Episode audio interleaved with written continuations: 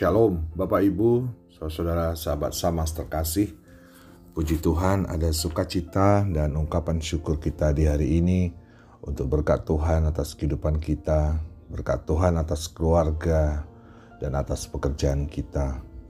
Kita bertemu kembali dalam Sapaan Damai Sejahtera di hari ini, 16 Agustus 2023. Mari kita naikkan ungkapan syukur dalam doa sebelum kita bersama merenungkan firman Tuhan. Bapa dalam surga, kami bersyukur untuk berkat-Mu hari ini. Berkat yang tiada henti bagi kami, berkat kesehatan dan kebaikan-Mu Tuhan, atas berkat pekerjaan yang Tuhan anugerahkan dalam kehidupan kami. Kami mau mendengar dan merenungkan sapaan firman-Mu Bapa. Urapi hati dan pikiran kami, untuk kami bisa memahami kebenaran akan firman-Mu. Amin. Bapak Ibu, sahabat sama yang terkasih, Dahulu saat kuliah berakhir dan diteguhkan wisuda, saya pernah berkata dalam diri saya, aku ingin suatu hari dapat pekerjaan di sebuah perusahaan bagus.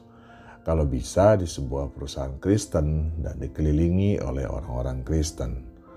Pemikiran yang sederhana untuk seorang mahasiswa muda Kristen pada saat itu yang akan lulus dan siap terjun ke dunia kerja. Mungkin di antara Bapak Ibu, Saudara juga pernah merasakan hal yang sama saat memulai mencari pekerjaan atau bahkan dalam uh, diri kita memulai sebuah pekerjaan yang baru di tengah karir pekerjaan kita. Dalam arti kita ingin dalam lingkungan pekerjaan nama Tuhan akan selalu disebut dan berharap ada kasih sebagai simbol kekristenan ada dalam lingkungan pekerjaan kita.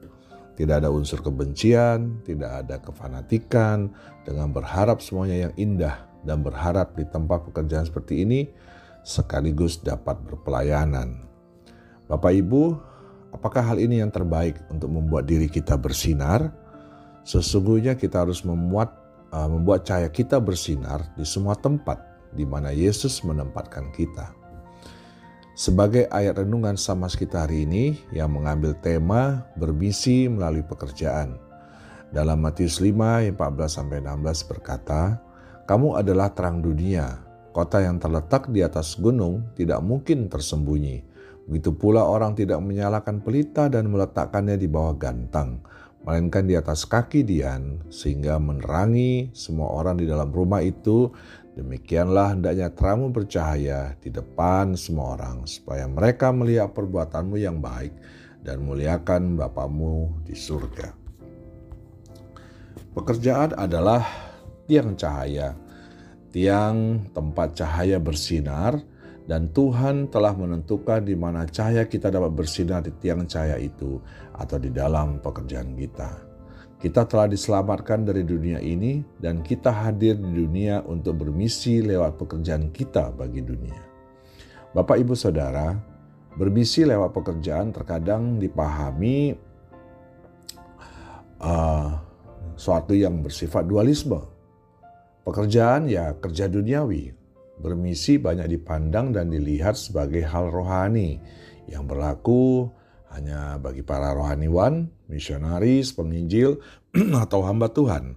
Sedangkan profesi atau pekerjaan dilihat sebagai hal sekuler yang bertujuan untuk mencari uang, bertahan hidup, dan aktualisasi diri kita. Maka berbicara mengenai misi lewat pekerjaan seakan adalah suatu hal yang mustahil. Apakah demikian? Namun dalam tugas pekerjaan kita, Tuhan juga mengendaki kita dapat bermisi Konsep misi dalam Alkitab menekankan akan lima hal penting.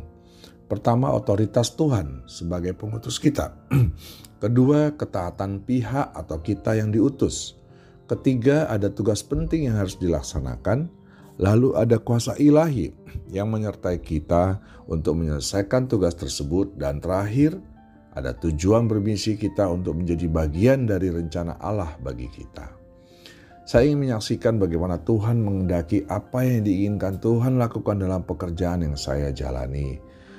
Sebuah pekerjaan yang terakhir sebelum yang saat ini saya bekerja Bapak Ibu. Pekerjaan sebelumnya yang masih di sebuah perusahaan bidang properti yang sesuai dengan kualifikasi saya tentunya. Namun memang uh, dipimpin oleh seorang yang bukan seiman dengan kita, bukan beriman Kristen, dan tentunya memberi suasana lingkungan kerja yang juga berbeda. Pekerjaan ini mengharuskan saya keseharian terpisah dari keluarga di Surabaya. Meskipun masih dapat mengisi akhir pekan tetap bersama keluarga dan berpelayanan bersama. Dalam perjalanan pekerjaan banyak hal-hal yang dijumpai yang bertentangan dengan kasih, bertentangan dengan hati. Selalu mempunyai kebijakan konfrontasi dari tempat bekerja, ada permusuhan, kerap melakukan proses hukum menghadapi konsumen, ada ketidakjujuran dalam proses perizinan dan kepemilikan aset properti. Ada kecurangan-kecurangan yang dilakukan. Dalam hal tertentu, tidak melakukan pembayaran atas hak orang lain yang telah membantu pekerjaan konstruksi dengan dalih-dalih yang dibuat. Dan yang unik Bapak Ibu, yang terkadang menggelitik dan membuat saya tersenyum sendiri dan belum pernah saya alami sebelumnya dalam dunia pekerjaan saya, adalah kerja selalu diawasi oleh pemilik perusahaan.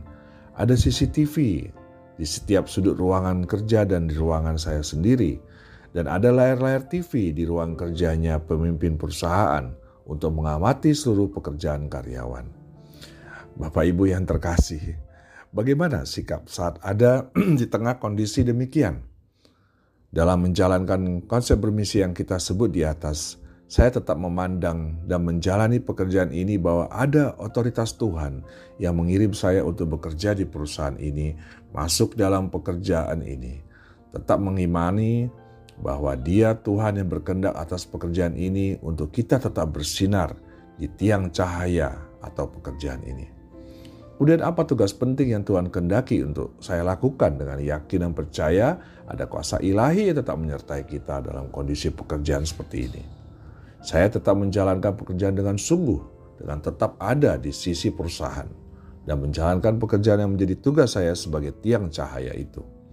Saya menjalankan semua pekerjaan yang dibebankan dengan hati yang tetap dipenuhi damai sejahtera, dengan berpegang ada kehendak Tuhan untuk kita lakukan. Menjalankan pekerjaan manajerial yang saya lakukan dengan bersikap yang baik terhadap konsumen. Ada hikmat Tuhan dalam menghadapi konsumen yang tidak puas. Meskipun pernah diperhadapkan bentrokan dengan warga berkaitan kepemilikan aset, dan saya sempat bertanya dalam hati, apakah ini ujian Tuhan atas ketahanan mental hati dan pikiran saya. Dan puji Tuhan Bapak Ibu semua bisa berakhir dan saya jalani dan selesaikan yang pada akhirnya menjadikan orang atau warga yang tetap dijadikan lawan dalam proses hukum oleh perusahaan tempat saya bekerja sebelumnya ini akhirnya telah menjadi kawan yang baik dalam hubungan saya secara pribadi dengan mereka. Menjadikan rekanan yang tidak dibayar hak-haknya oleh perusahaan akhirnya menjadi rekan dan teman yang saling mendukung. Bapak Ibu sahabat sama yang dikasih Tuhan. Alkitab mengatakan biarlah terangmu bersinar.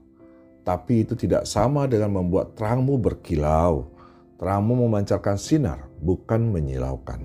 Begitu pula orang-orang akan melihat cahaya, bukan mencari sumber cahaya itu. 1 Korintus 1 ayat 30 sampai 31 berkata, "Tetapi oleh Dia kamu berada di dalam Kristus Yesus yang oleh Allah telah menjadi hikmat bagi kita. Karena itu seperti ada tertulis, barang siapa yang bermegah, hendaklah ia bermegah di dalam Tuhan." Bila pekerjaanmu, tempat kita bekerja, dan orang-orang di sekelilingmu menuntut dan memperlakukan emosi dan konfrontasi terhadap orang lain, janganlah kita ikut dengan sikap dunia seperti ini. Firman Tuhan dalam Kolose 4 ayat 5 sampai 6. Hiduplah dengan penuh hikmat terhadap orang-orang luar. Pergunakanlah waktu yang ada. Hendaklah kata-katamu senantiasa penuh kasih, jangan hambar, sehingga kamu tahu bagaimana kamu harus memberi jawab kepada setiap orang. Lalu menghadapi kondisi pekerjaan seperti ini, apakah kita lalu menjadi bermalasan dan tidak sungguh-sungguh? Tidak Bapak Ibu, Saudara terkasih. Pandanglah Tuhan yang sesungguhnya Tuhan atas diri kita. Kolose 3 ayat 23 sampai 24 berkata, Apa pun juga yang kamu perbuat, perbuatlah dengan segenap hatimu, seperti untuk Tuhan dan bukan untuk manusia kamu tahu bahwa dari Tuhanlah kamu akan menerima bagian yang ditentukan bagimu sebagai upah. Kristus adalah Tuhan dan kamu hambanya.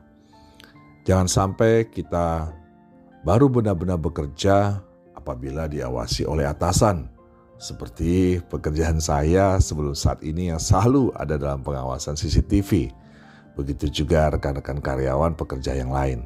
Tapi adalah kita lebih kepada Tuhan, kita bekerja untuk kemuliaan Tuhan. Lakukanlah pekerjaan kita dengan kemampuan terbaik yang kita miliki. Ketika siapa pun yang melihatmu datang ke pekerjaanmu dengan sukacita, tanpa perasaan lelah dan terbeban, Kemudian mereka siapa pun terlebih yang tidak seiman dengan kita akan bertanya, apa yang membuat engkau begitu bahagia? Pada momen inilah kita mempunyai kesempatan berbagi tentang Tuhan Yesus kepada mereka. Karena kita sebagai murid Tuhan memiliki kekudusan Yesus Kristus di dalam hati. Amin. Mari kita berdoa. Tuhan Yesus, terima kasih untuk pekerjaan yang Tuhan telah anugerahkan kepada kami kami mengimani bahwa dalam setiap pekerjaan kami, Tuhan punya sesuatu untuk kami lakukan dalam menjalankan misi Tuhan. Menjalankan kehendak-Mu di tengah dunia pekerjaan kami. Ajar kami untuk selalu berhikmat dan beriman teguh. Di dalam nama Tuhan Yesus kami berdoa. Amin.